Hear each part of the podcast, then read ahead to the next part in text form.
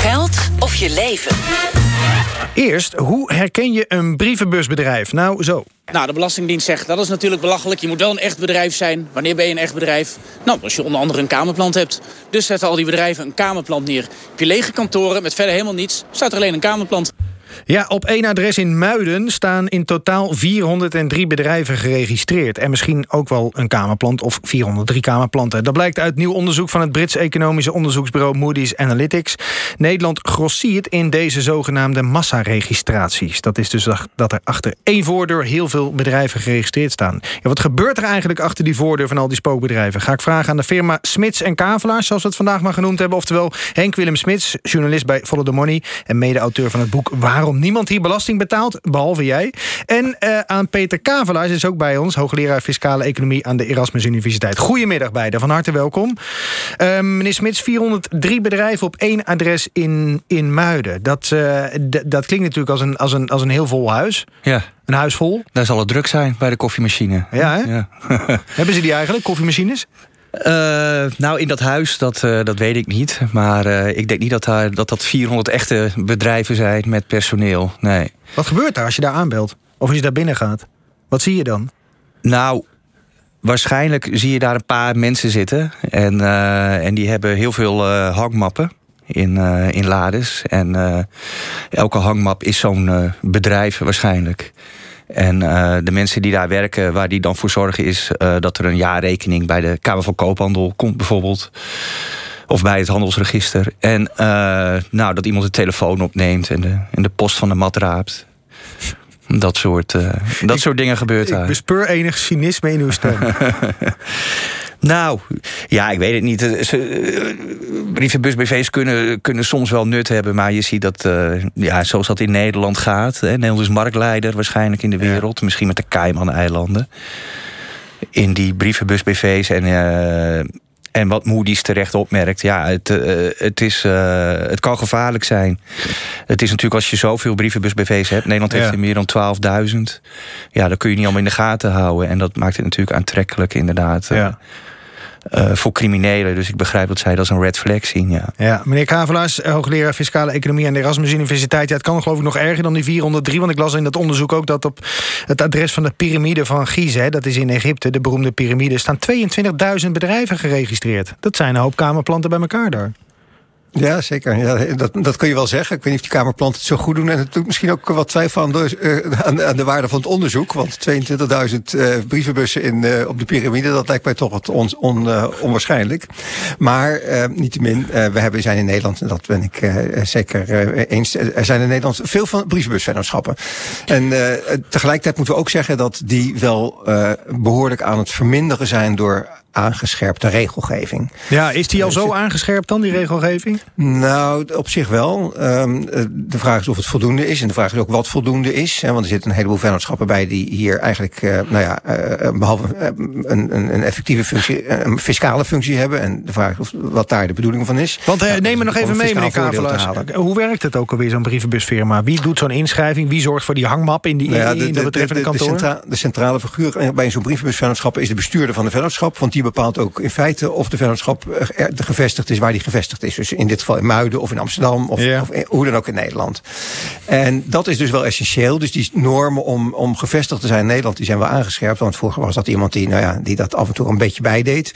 Uh, nauwelijks een bestuur had, uh, zo'n vennootschap. En dat, daar, daar zijn we wel een beetje doorheen geprikt. Uh, door wat voorwaarden, die overigens wel nog betrekkelijk zwak zijn. Ja. Maar in ieder geval vindt aanscherping plaats. En er heeft ook aanscherping plaatsgevonden buiten de fiscale regelgeving. Namelijk door degene die dat besturen, de, de trust zoals we ze vaak noemen. Ja. Uh, doordat die aan veel meer voorwaarden moeten voldoen. Dat zijn die kantoren die, die, die dit allemaal regelen voor die bedrijven die ja, op, op een betreffend adres gevestigd willen zitten. Wat is nou de, de reden? Is de reden nog steeds belastingontwijking? Geen ontduiking zeg ik, maar ontwijking om, om, op een, ja, nou, op een, om in Muiden geregistreerd te staan?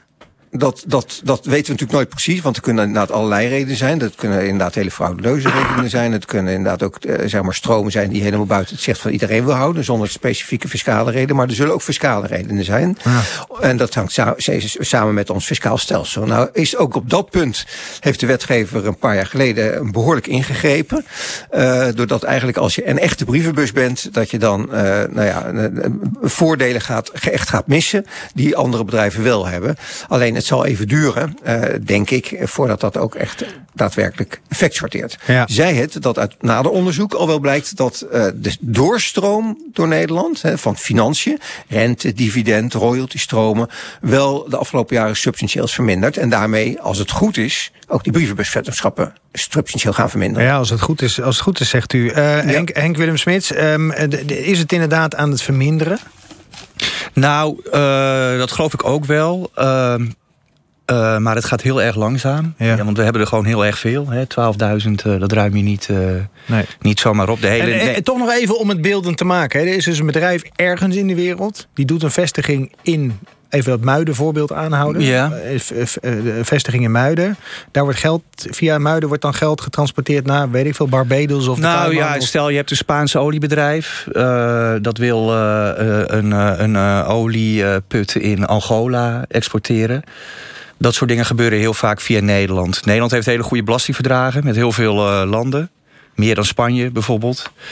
En het geld kan in de vorm van dividend belastingvrij Nederland in en uit. Ja, ja. Het klopt wel wat Kavelaar zegt. Er zijn wel, het, wordt wel iets, het is wel iets strenger geworden allemaal. Maar in principe kan het belastingvrij in het land in en uit. Dus we zijn hier ja, een soort dozenschuivers, hè, zeg maar. Ja. Het is... En hoe kan dat crimineel zijn? Nou, dat, dat, is, dat is bijvoorbeeld uh, ook wat, de, wat de, de, een ambtelijke commissie... toen Veilbrief nog uh, staatssecretaris van Belastingzaken was... die heeft een commissie ingesteld. Die stelde ook vast, en dat is ook wel eerder gezegd... ook door de, door de politie bijvoorbeeld... van als er zoveel geld door Nederland stroomt... we hebben het over meer dan 4 biljoen. 4 biljoen erin en 4 biljoen eruit. Dus dat is 12 nullen.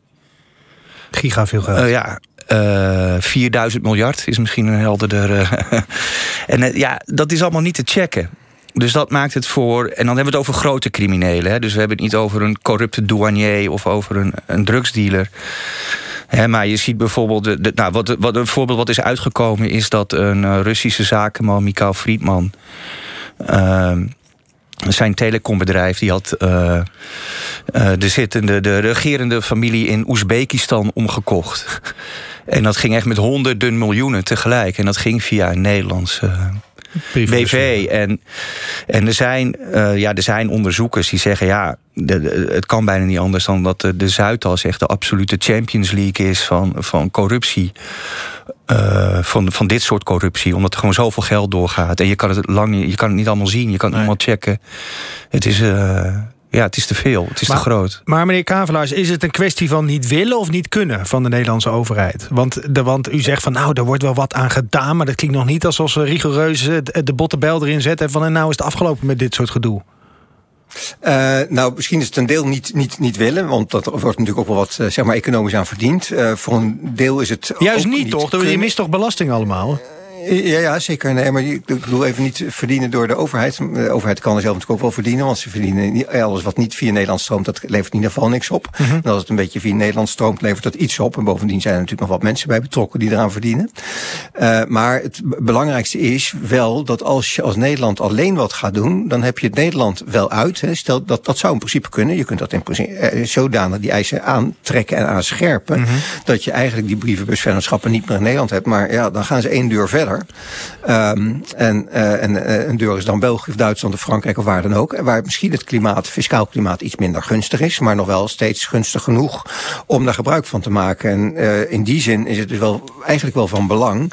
Wil je het effectief aanpakken. Mm -hmm. dan dat je dan met de, met de lidstaten van de EU in ieder geval verder komt. Of bij voorkeur zelf met de OCD-lidstaten. En dat vergt natuurlijk wat meer kunsten, zeg maar, om, om daar tot een oplossing te komen. En OCD-lidstaten zijn? Ja. OCD-lidstaten zijn? Uh, nou, dat zijn er op zich maar uh, een stuk of 35, dus dat is niet zoveel.